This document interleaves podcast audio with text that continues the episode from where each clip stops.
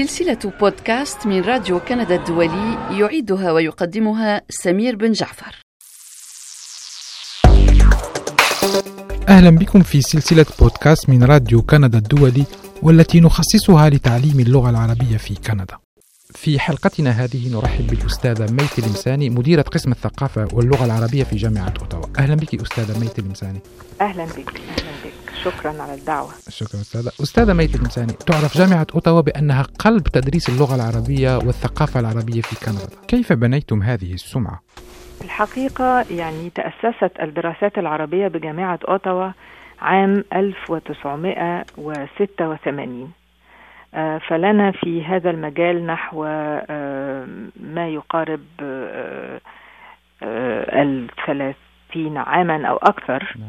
في تدريس كورسات اللغة العربية آه، لغير الناطقين بها وأيضا تدريس آه، تاريخ وثقافة العالم العربي آه، باللغات الإنجليزية والفرنسية.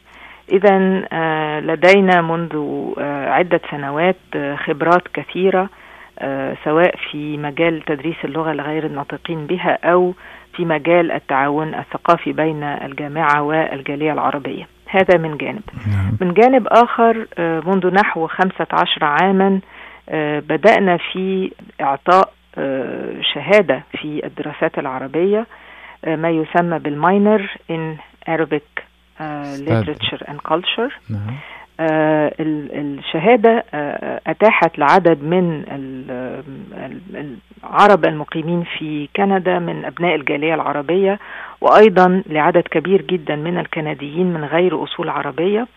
الحصول على شهادة موثقة بالخبرة في مجال اللغة والثقافة العربية. فهذه الشهادة ماينر in Arabic Studies أتاحت للكثيرين العمل في مجالات مثل العمل الدبلوماسي أو العمل السياسي في داخل كندا أو العمل الاجتماعي في داخل كندا أو خارج كندا في مجالات مثل الترجمة وإدارة الأعمال إلى آخره.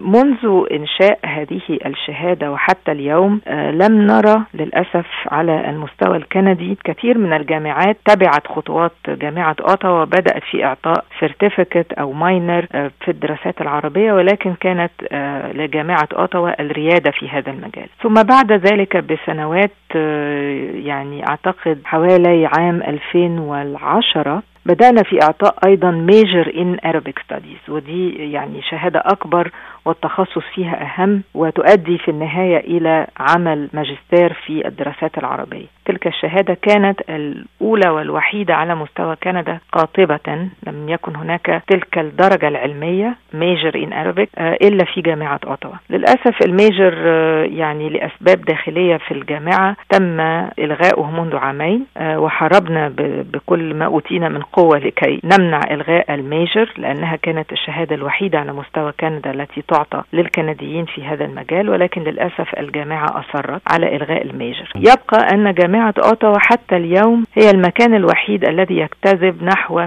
ألف آه، طالب سنويا سواء في كورسات اللغة العربية في المستويات الأولى والمتوسطة والمتقدمة وأيضا في كورسات يعني تعتبر هي الوحيدة أيضا على مستوى كندا التي تمنح للطلاب الكنديين آه، على سبيل المثال كورس في السينما العربية ويعطى باللغة الإنجليزية كورس عن الدراسات العربية الكندية لدراسة آه، وضع المهاجرين العرب في كندا وهو الكورس الوحيد أيضا على مستوى كندا فإذا يعني هذا القسم في الحقيقة يعتبر رائد في المجال وفي التخصص ولا مشابه له على المستوى الكندي. قد نجد على سبيل المثال نماذج من هذا القبيل في أمريكا على سبيل المثال للحصر في نعم. Georgetown University. ولكن غير ذلك في مجال الدراسات العربية في كندا يعتبر قسم جامعة أوتاوا هو القسم الذي له الريادة وله التاريخ وله أيضا عدد كبير من الأساتذة والمتخصصين في هذا المجال. إذا نفهم من ذلك أن جامعة أوتاوا تحتل الريادة في مجال تعليم اللغة والثقافة العربية في كندا.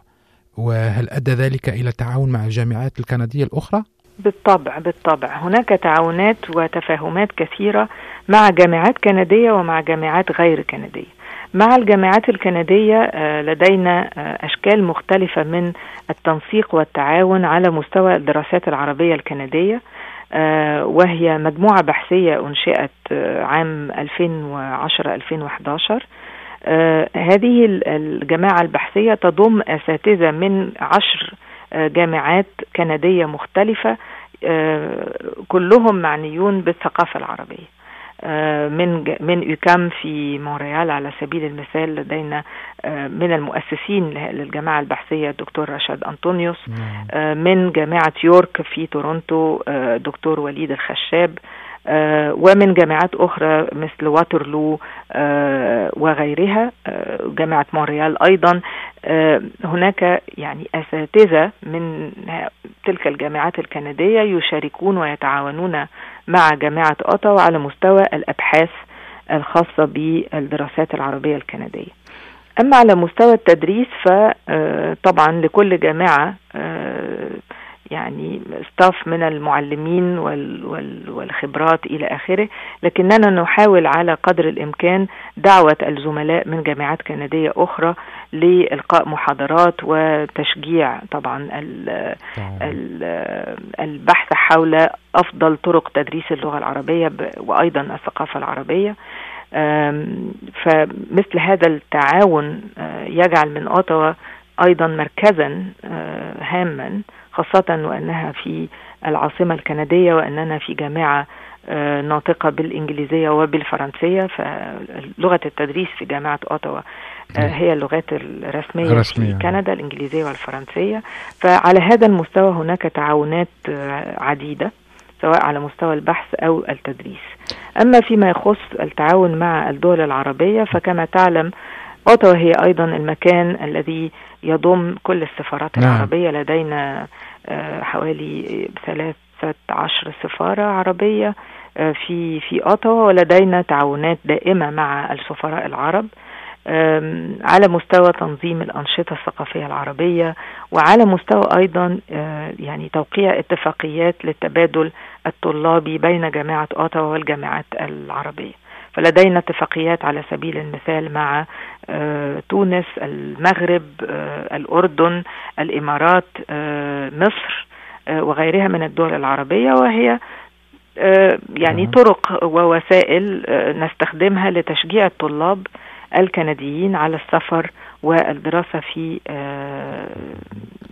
في مجالات مختلفة ولكن في العالم العربي. أريد أن أعود إلى الطلبة.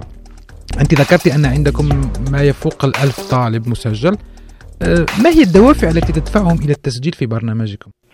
أه، معظم الطلاب أه، لدينا بالقسم هم طلاب من كندا يعني كنديين سواء من أونتاريو أو من مقاطعات أخرى كندية يأتون للدراسة بجامعة أوتاوا وعندما يكتشفون وجود قسم للدراسات العربية يحاولون آه، تعلم اللغة أو آه، يعني آه، الالتحاق بكورسات الدراسات الثقافية كورسات السينما إلى آخره. ولكن الخلفية العرقية للمجموعات التي نراها لدينا تنقسم تقريبا إلى يعني قسمين. قسم من أصول عربية سواء جاءوا إلى كندا مؤخرا عن طريق الهجرة. من عائلات ومن أصول عربية وهؤلاء آه، بالطبع يعني جزء من دراساتهم تكون في العالم العربي فلا يحتاجون لتعلم اللغة ولكنهم يأتون إلينا لتعلم آه، تاريخ العالم العربي والشرق الأوسط تاريخ الثقافات العربية المختلفة وأيضا مجالات الثقافة المختلفة مثل السينما والأدب والثقافة الشعبية إلى آخره.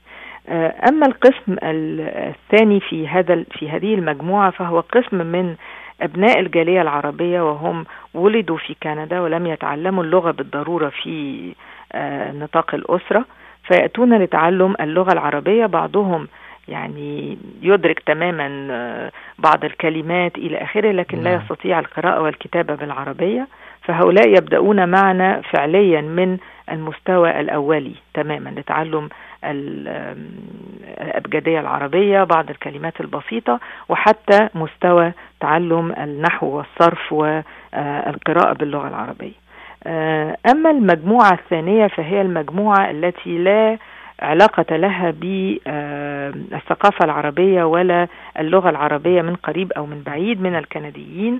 هؤلاء يأتون فعليا لتعلم اللغة. آه وأيضا لتعلم الثقافة وبالتالي آه المتحمس منهم أيضا آه يعني يختار ال minor in Arabic Studies وهو حوالي 30 credits نعم. يعني مطلوب من الطالب إنه يتابع على الأقل 10 كورسات للحصول على ال minor ففي هذا المجال نجد يعني خليط من أجناس وأعراق ولغات مختلفة يهتمون بالثقافة العربية الواقع أن هناك طفرات ولحظات في تاريخ في التاريخ الحديث جدا الأحدث أو المعاصر نعم.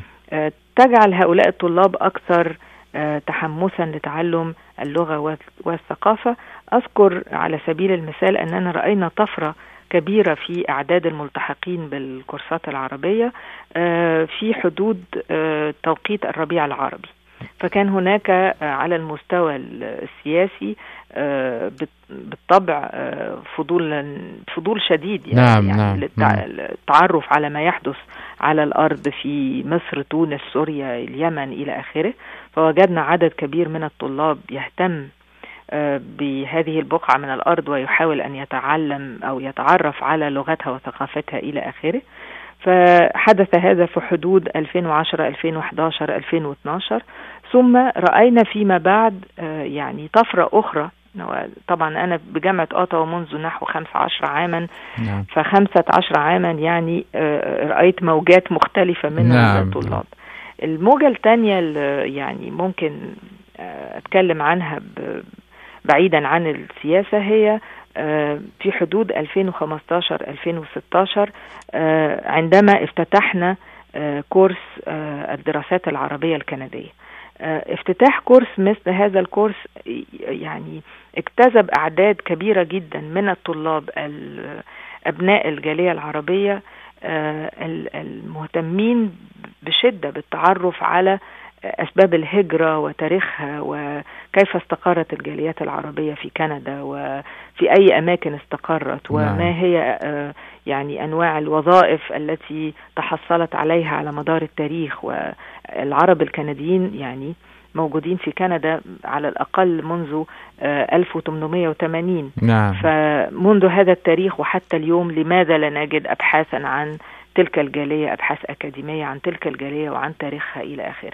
فافتتاح هذا الكورس في عام 2015 جعل هناك اهتمام مرة أخرى بجانب الهجرة مثلا في تاريخ كندا وما هو ما هي الجاليات المسكوت عنها في تاريخ كندا.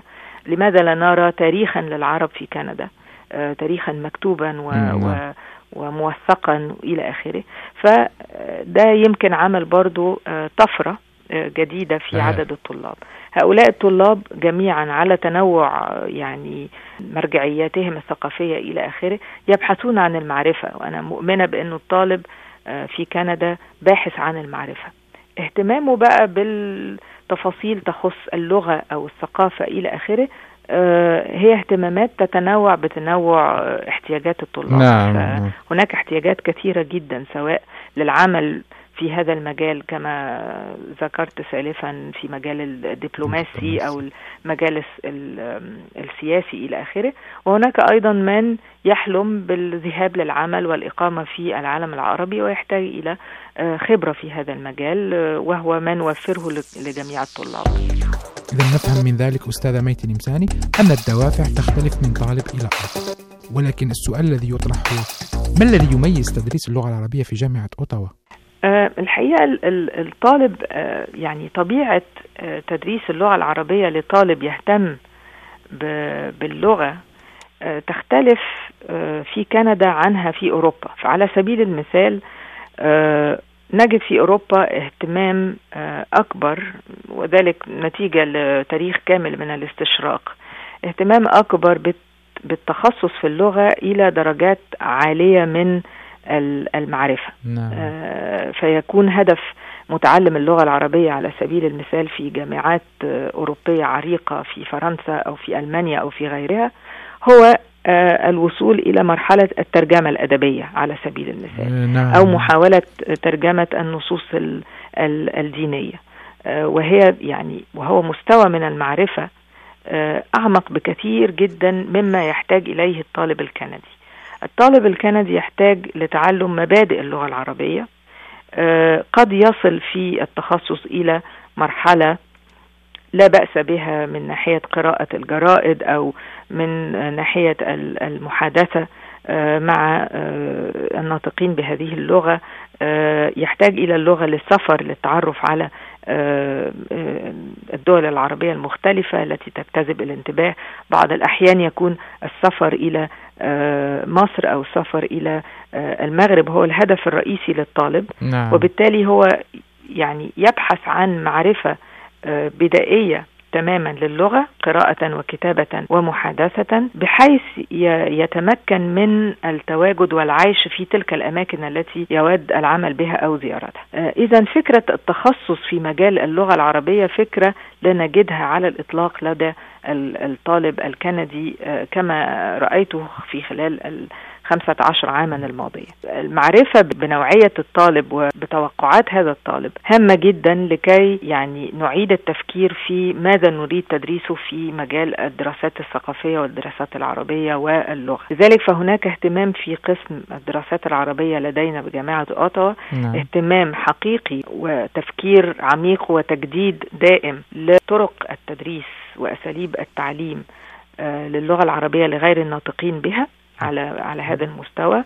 هناك اهتمام حقيقي ولكن هناك أيضا نظرا لمعرفتنا بطبيعة الطالب الحالية. نعم. هناك أيضا اهتمام أكبر بتدريس كورسات الثقافة العربية وهي تدرس باللغة الإنجليزية وبعضها باللغة الفرنسية. إذا هذه الكورسات الخاصة بالثقافة هي فعليا ما يجتذب الأعداد الأكبر من الطلاب الكنديين والكنديين الناطقين باللغة العربية أو المتحدثين بها. فسنجد على سبيل المثال كورس الثقافة العربية الأول وهو يغطي بدايات الثقافة العربية منذ القرن السابع وحتى القرن الثامن عشر. نجد في هذا الكورس 150 طالب سنويا. نجد في كورس الثقافة الشعبية في العالم العربي ويغطي الفترة ما بين 1990 والوقت الحالي يعني ال 30 عاما الأخيرة. نجد في هذا الكورس 250 طالبا. في حين نجد في كورس اللغة العربية يمكن على المستوى المتقدم في حدود 30 طالب أو إذا استطعنا أن نفتتح كورسين نجد 60 طالب. إذا فالأعداد هنا والأعداد هامة جدا بالنسبة للجامعات الكندية بصفة عامة وبالنسبة لاستمرارية الدراسات العربية يهمنا دائما أن نثبت للجامعة ولإدارة الجامعة أن لدينا أعدادا غفيرة من الطلاب لكن إذا نظرنا إلى اهتمامات هؤلاء الطلاب وما الذي يدعوهم للتسجيل في كورسات اللغة العربية سنجد بالطبع أن عدد المسجلين في كورسات الثقافة أكثر من كثير من نعم. عدد المسجلين في كورسات اللغة هذا يوضح أن هناك مشاريع مستقبلية لقسمكم طبعا نحن لا نكف عن محاولة التفكير في مشروعات جديدة. بالطبع نحاول استعادة ال major. درجة ال major كانت مهمة بالنسبة لنا لأننا كنا بصدد خلق أول درجة علمية على مستوى الماجستير في الدراسات العربية وكانت ستكون أيضا رائدة على المستوى الكندي لأنه لا توجد مثل هذه الدرجة على الإطلاق على مستوى كندا. بالطبع في كندا هناك اهتمام بالدراسات الإسلامية وهناك اهتمام بدراسات الشرق الأوسط. في مجال أقسام العلوم السياسية. ولكن ما نريد أن ننشئه هنا هو درجة علمية على مستوى أعلى يعني مستوى الماجستير أملا في الوصول للدكتوراه أيضا في ما نطلق عليه الدراسات العربية وهو تخصص يختلف عن الدراسات الإسلامية كما نجدها في جامعة مثل ماجيل أو عن دراسات الشرق الأوسط كما نجدها في مجال الدراسات السياسية. إذا يعني الهدف هنا هو فعلا التأكيد على أهمية وخصوصية الدراسات العربية مقارنة بمجالات أخرى تتقاطع معها بالضرورة. فلا يمكن أن ندعي تدريس الثقافة العربية بدون معرفة بالإسلام وبالأديان المختلفة الموجودة في العالم العربي. ولا ندعي أيضا انفصال الثقافة عن السياسة. ولكن ما نريده فعليا هو أن نؤكد على علمانية فكرة الدراسات العربية من ناحية وعلى أهمية الثقافة مقارنة بالسياسة من ناحية أخرى. فما يعني نراه متحققا على مستوى الجالية العربية هنا في كندا وما نراه متحققا على مستوى الدول العربية هو أن الشعوب العربية يعني يضمها حلم واحد لغة واحدة يعني قيم مشتركة. وهذا ما نحاول أن نؤكد عليه في مجال الدراسات العربية بغض النظر عن الأعراق بغض النظر عن الأديان نعم. بغض النظر عن اللغات المختلفة الموجودة في العالم العربي. ثمت يعني علاقات وقيم مشتركة نريد التأكيد عليها. هذا ما يعني نتمنى أن نحققه من خلال ماجستير في الدراسات العربية تكون له خصوصية أكاديمية وفي نفس الوقت يكون له دور توعوي وثقافي وأكاديمي وتعليمي مهم جدا نظرا لعدم وجوده أصلا في أصلاً. كندا نعم. ولكن مهم أيضا لتحقيق تلك الأواصر التي نريد أن نحققها بين كندا وبين دول العالم العربي المختلفة ونتمنى لكم أنكم ستحققون هذا هذا المشروع. شكرا لك الأستاذة ميت الانساني مديرة قسم الثقافة واللغة العربية في جامعة اوتاوا شكرا لك. أشكرك شكرا جزيلا وسعيدة جدا بهذه الدعوة وبإتاحة الفرصة للحديث عن قسم الدراسات العربية. سلسلة بودكاست من راديو كندا الدولي يعيدها ويقدمها سمير بن جعفر.